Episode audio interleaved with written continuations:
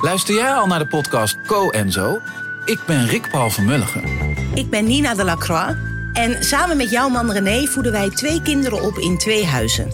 Co-ouderschap. We hebben het over alles wat je daarin tegenkomt. Maar ook over de juice tijdens onze kinderloze dagen, want die heb je ook in het co-ouderschap. Een podcast voor alle ouders in alle vormen, maar ook voor alle mensen zonder kinderen. Zijn we eerlijk, heerlijk herkenbaar. Dus luister naar Co en Zo in je favoriete podcast-app.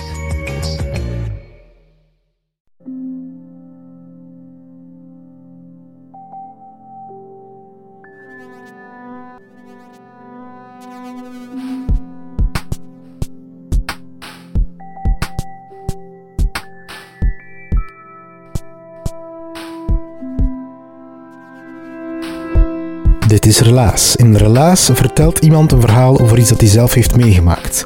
We gaan luisteren naar Eva. Eva die probeert aan iets te ontsnappen waar eigenlijk niet aan te ontsnappen valt.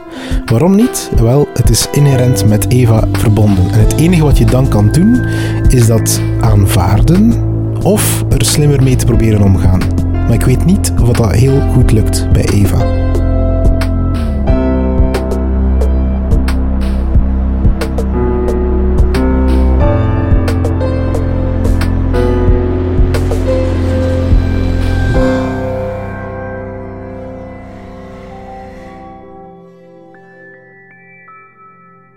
Ik spreek vrij goed Spaans. En ik weet dat dat geen uitzondering is in België, dat mensen veel talen kunnen of dat mensen Spaans kunnen. Maar ik heb mijn Spaans, mijn, mijn woordenschat van Spaans eigenlijk op een specifieke manier uitgebreid de afgelopen jaren. En dat Spaans, dat is er bij ons thuis eigenlijk met de, met de paplepel ingegoten. Um, mijn onkel, die woonde in Argentinië en wij hadden ook aangetrouwde familie in Venezuela. Dus heel onze familie sprak Spaans. Mijn ouders konden Spaans, mijn oma leerde Spaans, mijn onkels en mijn tantes. Er waren constant Zuid-Amerikanen op bezoek bij ons thuis. In de radio was er altijd Zuid-Amerikaanse muziek. Dus ik ben daar eigenlijk mee opgegroeid met dat Spaans. En ik weet dat ook nog, in het lager was er opeens Spaanse les in onze living. En dan zaten al mijn onkels en tantes en zo rond de tafel en ik zat daarbij met mijn boekje en dan zongen wij samen liedjes van Mecano om Spaans te leren. Dat was altijd vrij plezant. Dus ja, logischerwijs werd dat middel, uh, kwam ik in het middelbaar en ben ik talen gaan studeren en koos ik ook voor het keuzevak Spaans. En ik was daar goed in en ik weet nog op het einde van het middelbaar heb ik de prijs voor Spaans gehaald. Ik was super content mee. En ook tijdens dat middelbaar hebben mijn ouders eh, voor de eerste keer meegenomen, mij en mijn zus, naar Zuid-Amerika, naar Argentinië, naar Brazilië, om daar de vrienden van mijn onkel te leren kennen. En dat was eigenlijk mijn eerste grote reis naar Zuid-Amerika. Mijn ouders gingen heel vaak over en weer, dus dat zit er zo'n beetje in. Ik ga na het middelbaar, logischerwijs ook, Romaanse talen gaan studeren hier op de Unie in Gent. Maar na een half jaar, allee, omdat ik Spaans wil leren, maar na een half jaar heb ik door dat ik daar vooral Spaans, uh, Frans voor moet kunnen. En dat kon ik niet zo goed.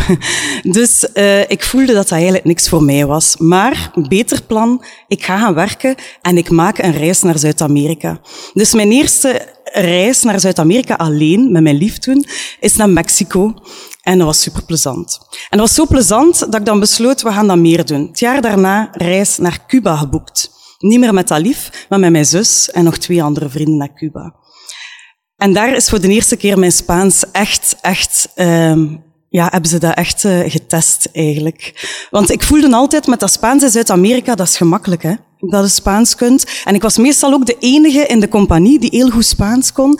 En ik opende de deur en ik ging gesprekken aan met mensen. Allee, alles ging veel vlotter met dat Spaans. Ook in Cuba. Ik was de enige van ons vieren. We reden daar met een auto rond. Alles ging. Tot we in Trinidad toekwamen. Uh, bed and breakfast, lieve madame, serveerden ons daar een heel lekkere vis. Maar dat bleek ook een heel slechte vis te zijn. Dus ik werd daar zo ziek, zo ziek. Dat was niet te doen. En ik ben daar beginnen overgeven. Ah ja, ik moet de details niet vertellen. Maar dat bleef maar duren. Dat bleef maar duren tot als die mevrouw van in een bed and breakfast niet meer kon aanzien en zei, ik ga een ambulance bellen. Jij moet naar het ziekenhuis. Ik daar met mijn zus hè, in de ambulance naar dat ziekenhuis in Cuba. En ik ga dat ziekenhuis nooit meer vergeten eigenlijk. Het was een heel klein gebouw en ik lag daar wel alleen op een kamer. Er was zo'n kamer, in zo'n oud ziekenhuisbed aan een bakster. En dat was zo'n kamer helemaal wit geverfd. En daar zaten twee ramen in. Alleen eigenlijk twee gaten in, want er zat daar geen, venster, geen glas in die ramen. En dus alles kon daar gewoon naar binnen en naar buiten vliegen eigenlijk. Het waren alleen van die, van die groene luikjes. En dus een helft van de tijd kwamen er zo gekko's en salamanders binnen. En die zaten dan boven mijn hoofd. En ik kon niet weg, want ik was zo ziek of een hond. En ik lag ook aan die een bakster. En um, ik weet nog, mijn zus was bij mij en ik zei tegen mijn zus, wij moeten naar mijn ouders bellen eerst. Hè. Wij moeten dat aan mama en papa vertellen. Maar wij hadden nog geen gsm of zo, dat, is echt lang geleden. Dus ik denk dat we daar een telefoon hadden in het ziekenhuis. En ik belde naar huis en eigenlijk stiekem hoopte ik dat mijn mama ging opnemen. Allee, niks tegen mijn papa, maar het is nogal een paniekeur, gelijk ik. Hè. En mijn mama in zo'n situatie, die is kalm, rationeel en oplossingsgericht. En ik dacht, dat heb ik hier nodig, nu ik in dat ziekenhuis in Cuba lig. En ik denk dat mama opgenomen heeft, en ze was vrij kalm. En het eerste wat hij zegt is, en dat hadden we ook nodig. We moeten dat regelen met de mutualiteit. We moeten zorgen dat die verzekering in orde is. Hè. Dus mama heeft daar gebeld naar de mutualiteit en hij zorgde dat alles terugbetaald werd van in Cuba. Alles geregeld, voilà. Ik kon mij concentreren op genezen aan die bakster. En ik merkte daar in dat ziekenhuis dat hij, ondanks mijn Spaans, hè, dat ik toch zo goed kon, dat hij mij eigenlijk niet helemaal verstonden. Ik zei altijd, ik heb buikpijn en ik had echt krampen eigenlijk. Dus dat, dat kwam en dat ging. En ik probeerde dat met handen en voeten uit te leggen. Maar ik voelde dat zij mij precies niet goed verstonden. En uh, de ene dokter na de andere kwam binnen. En op een bepaald moment had ik, uh, ja, heb ik eerst aan mijn zus gevraagd, ga ik trug naar een bed and breakfast, ga ik mijn woordenboek gaan halen. Want ja, Google Translate, dat was er nog niet. Dus mijn zus met mijn woordenboek, het woord voor krampen is calambres. Zeg, nu heb ik het. Hè. Dus hè, men, die dokters kwamen binnen, tango calambres, calambres. Maar ik voelde nog altijd dat ze dat eigenlijk niet verstonden. Uh, en op een bepaald moment kwam er een dokter binnen die weer aan mijn buik aan het voelen was. En ik had op die moment geen calambres. Hè. Ik had geen pijn, want dat waren krampen. Hè. Op een bepaald moment heb ik ook niks. Nee, madame, kijk naar mij. Hoe heb jij geen pijn? Ik zeg, maar nee, nee, nee, want ik heb calambres. en uh, op dit moment niet, is dat rustig. En zei zo, ah, calambres. Ja, ik weet niet wat ik fout gedaan had, maar opeens verstond ze mij. En dan zei ze, je hebt geluk dat je dat nu gezegd hebt, want we gingen u net naar de operatiekamer brengen voor uw appendiciet te verwijderen. Oei. Dus voor hetzelfde geld had ik daar een week gelegen in plaats van die twee dagen. Nou kijk, allemaal goed gekomen. Um, na twee dagen het ziekenhuis, die reis goed afgewerkt. Allemaal goed en wel. Daarna is eigenlijk een paar jaar uh, kalm geweest. En dan, uh, op mijn 25ste, ben ik getrouwd met Jan, mijn man. En dachten wij, wij willen nog een keer naar het buitenland. Dus wij deden geen gewone huwelijksreis. Wij zijn zes maanden naar Nicaragua gegaan om vrijwilligerswerk te doen. Ik kon toch goed Spaans, dus weer naar Zuid-Amerika. En uh, vrij plezant. Uh, ik heb daar kunnen lesgeven uh, in een schooltje. Jan werkte daar op de bouw. En ja, dat waren eigenlijk onze witte broodsweken. En we hadden ook tegen elkaar gezegd, zou wel wijs zijn moesten we zo'n kindje kunnen verwekken hier in Nicaragua. Dus zo gezegd, zo gedaan. Na drie maanden was ik daar zwanger van onze uh, oudste zoon. En uh, toeval ook dat mijn ouders dan op bezoek waren met nieuwjaar in Nicaragua, toen dat ik die een test gedaan heb. Dus ik heb dat dan ook nog kunnen zeggen tegen mijn mama en mijn papa. Je kreeg nog een kleinkind bij. Hè. Zij blij naar huis vertrokken, maar ze waren nog niet goed weg of ik begon mij vrij slecht te voelen. Ja, ochtendmisselijkheid, daar had ik natuurlijk niet op gerekend. En in zo'n warm land is dat dubbel zo erg, ik kan het u verzekeren. Dat is, dat is echt verschrikkelijk. Dus ik zat daar in een uh, huisje dat wij huurden, met een helft van de tijd geen elektriciteit en geen water, zeker al geen wifi, zeker geen telefoon, en zo misselijk als iets, elke voormiddag. En Jan was daar ergens aan het werken op een bouw, en ik lag daar in mijn hangmat of in mijn bed, want het was het enige dat we hadden, twee hangmatten, een bed en een tafel met vier stoelen. En op de kop toe word ik daar nog een keer zieker. Ook weer door iets fout te eten. Ik trek dat echt aan. En uh, dus ik word daar nog zieker en zieker. En weer hetzelfde. Overgeven, overgeven. In Spaans, vomitar. Een woord om nooit meer te vergeten. Um, dus Jan moet daar een dokter bij halen in ons huis. Ik raak niet meer naar de dokter. En ik ben wel zwanger, hè? dus ja. Hè? Uh, die een dokter komt daartoe en ik heb echt, ik weet dat nog goed, gesmeekt om naar het ziekenhuis te mogen. Want ik kon niks binnenkrijgen. Geen water, geen eten. Ik wou weer aan zo'n bakster in weet ik veel welk ziekenhuis. Ik wou dat gewoon weer doen. En de dokter zei, nee, nee, nee. Kijk een keer in uw ogen. Je ziet er niet uitgedroogd uit. Hij blijft hier in uw bed liggen en water drinken met elektrolyto. Elektrolyt, ik weet niet of je dat kent, dat is echt vies. Dat is zo'n zakje dat in water moet doen met zout en suiker. Hè. En dat is dan goed om uw, uh, ja, om uw liquids weer aan te vullen, denk ik. Maar ik kreeg dat ook niet binnen. Maar de dokter had een heel goede tip. Gatorade, dat sportdrankje, dat is eigenlijk ook elektrolyt. En, um, en ik heb dat dan gedronken, dat kreeg ik wel redelijk binnen. En na liters en liters uh, Gatorade was ik eigenlijk eindelijk weer op de been. Maar nog altijd kotsmisselijk van mijn zwangerschap natuurlijk. En um, dat weet ik ook nog heel goed, met dat ik daar geen gsm had. Ik moest minstens tien minuten, een kwartier door 40 graden stappen om ergens in een vrij klein internetcafeetje te geraken, waar dat ik dan weer naar mijn mama kon bellen of skypen om nog een keer uit te huilen en te zeggen dat ik mij niet goed voelde en dat ik eigenlijk graag naar huis wou. Maar ja, we waren in Nicaragua. Maar dat is allemaal wel goed gekomen. Jan heeft mij opgepept. Die misselijkheid ging stilletjes aan weer weg. En ik heb er nog wel van kunnen genieten, maar ik was toch wel vrij blij dat ik weer thuis was.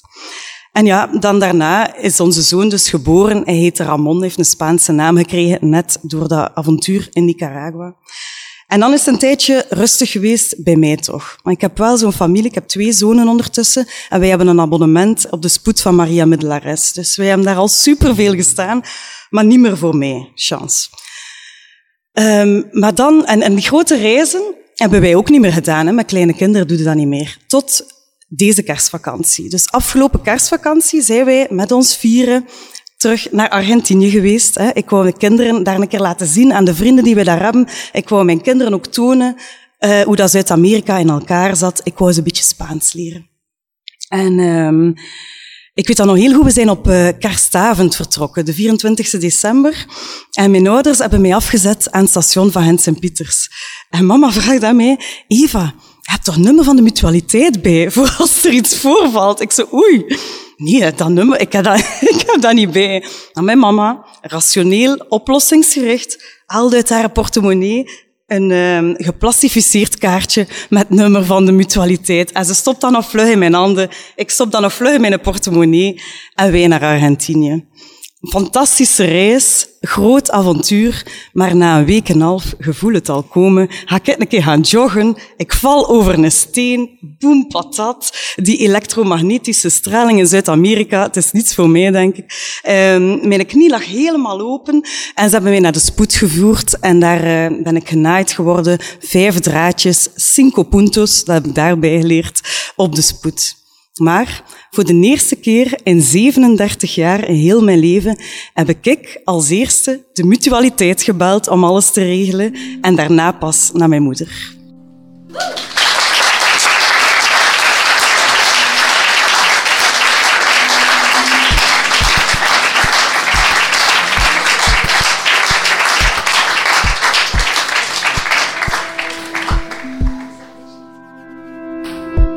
Dat was het relaas van Eva. Ze vertelde het in april in Gent, in het Stam. Dat is het Stadsmuseum van Gent.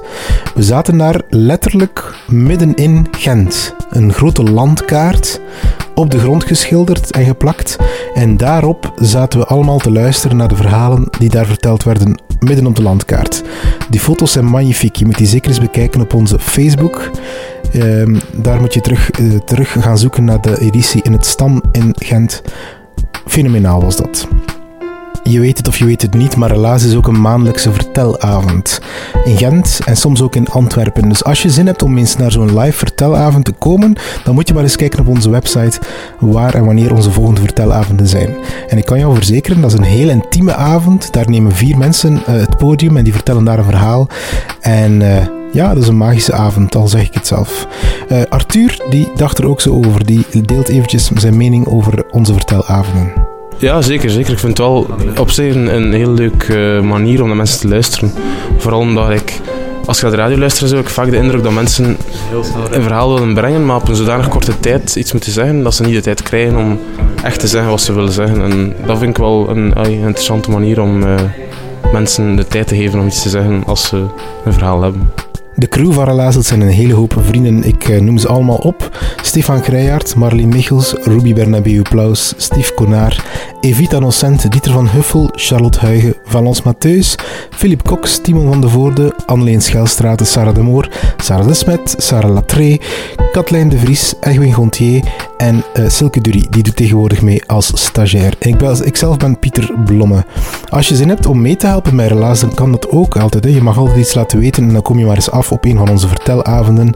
En voor je het weet, geraken we aan de praat. En als het klikt en je wil graag iets doen bij Relaas, dan kan dat zeker. Laat je gewoon iets weten dan. En als we jou iets mogen vragen, laat het dan zijn dat je dit verhaal deelt. Dat hoeft niet per se op Facebook of Twitter of Instagram. Dat mag uiteraard. Heel graag uh, hebben we dat. Maar je mag het ook naar iemand doorsturen waarvan je denkt van ah, met, die, met dit verhaal kan ik die persoon wel een plezier doen. Dan kan je het gewoon via een uh, bericht, een brief, een uh, mail, weet ik veel gewoon een berichtje sturen. hey, dit verhaal deed mij aan jou denken. Dit is zo typisch voor jou.